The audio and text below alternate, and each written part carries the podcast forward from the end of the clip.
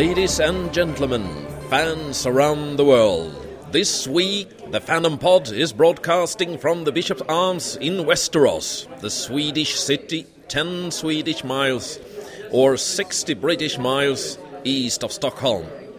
Fans from all over the city are gathering here tonight. Most welcome. This week we broadcast an interview with a Chinese author at the recent Worldcon in Helsinki. We discuss science fiction fandom, science fiction literature in China, and how it is living, how it is to live as an and, and work as a Chinese science fiction writer. Enjoy! This is Håkan Wester at Worldcon 2017 in Helsinki, Finland. And I am sitting here with uh, one from the Chinese delegation. Please tell me, what's your name? Uh, my name is actually my pen name in China is Xia Jia, and uh, I choose summer as my nickname because the Chinese character Xia means summer. So you can call me Summer Xia Jia. Yeah. Summer Xia Jia. Yeah, yeah, yeah, yeah. yeah because I, I know Xia is very hard to pronounce for most of Westerners, so maybe summer is more easier. Yeah. It mostly is, yes. Uh-huh. Very good. Um, what's your. Um, how, how, was you introduced into fandom and, and, and science fiction fantasy? Introduce myself, or how, how what's your interest in it? Uh, and, uh, uh, have you read something, you something you love, or uh, so? Yeah, I'm a science fiction writer, and uh, I publish uh, mostly short stories in China, but also some of my stories has been translated into English and uh, other languages, but most uh, just uh, from the English version into other languages. Yeah, and uh, my interest. What, what, kind of stories are you writing? Actually, uh, now I'm working on a series of short stories, which can be simply described as Chinese version, a Chinese version of the Black Mirror, but much brighter than the Black Mirror. Because uh, actually, the name of the series is Chinese Encyclopedia. So it's a, uh, it's a series of stories happened in near future China, and try to describe how uh, normal Chinese people's everyday life uh, will, be changed during the digital revolution. And um, comparing to the Black Mirror, maybe my story just uh, focused more on, for example, the family relationships and uh, people's emotional feelings, such like this. Yeah, and uh, you can maybe you can al- also always see some bright tone in my story actually, uh, this series of story initiate, uh, initiated by a very short story, which was my first story written in English and published on the Nature. You know, Nature.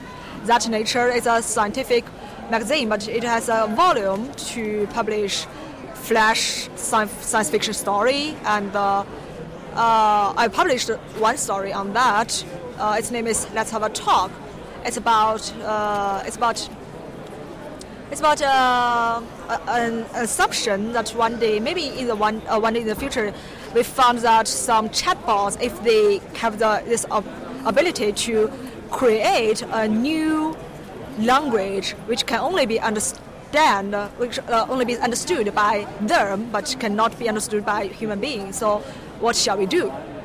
But the most interesting, I think, is just recently, if you heard of the news that the Facebook. They just uh, met a very similar uh, simulation that two chatbots they create something and they chat with each other and we do not what they uh, want to say but just feel so scared if they really have some plan to maybe to to terminate people to terminate a human being. So what so, I uh-huh. in a way quite philosophical right when uh, again, I'm sorry. Uh, quite philosophical, in a way. Philosophic. Oh, yeah, yeah, yeah, yeah. Uh, actually, yeah. In my story, I um, uh, actually uh, on one side, I I really care about the accuracy of scientific or scientific technology, the details of the no- uh, uh, technology, and uh, also. But on the other side, I really uh, want to dis- explore or discuss about the social or other uh, other humanities topics about how these technologies will influence us in a very very near future or maybe just uh, right now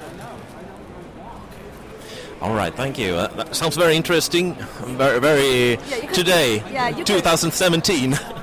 yeah yeah you can you can you can if you feel interested you can uh, read that story online let's have a talk uh, by the name Xia X X I A J I A I would love to. yeah Um, if we talk about the WorldCon a little bit, Uh-huh. what's your impression of this convention so far? Uh, actually, because uh, it's my it's kind of uh, it's my third World WorldCon, but uh, previous two times was in the U.S. The first one is Chica- is in Chicago, and the second is in Spokane. And this is my first time uh, came to Europe to attend a World WorldCon, and uh, it's quite it's have some similarities, but also have so many differences from the U.S. WorldCon.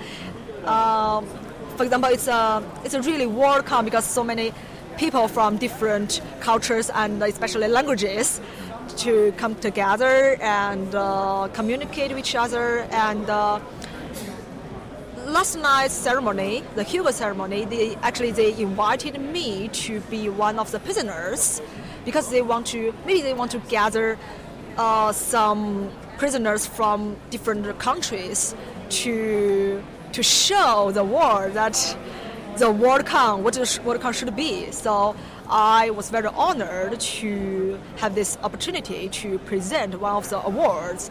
And I think it's, maybe it's a multiple time, uh, the first time that China uh, Chinese writer have this honor to do such job. But uh, uh, even though uh, we, we, we, we, do know that uh, Liu Cixin has has, won, uh, has won the Hugo Award and Hao Jinfang, but this time I think maybe uh, Chinese fandom has more involved in this WorldCon, not just uh, go around to to asking for signature, to listening to the uh, to listen to the uh, panel, but they all we, we also organized some wonderful parties, and we uh, act, act, actively uh, introduced our fandom, our writers to other fan, fans all over the world.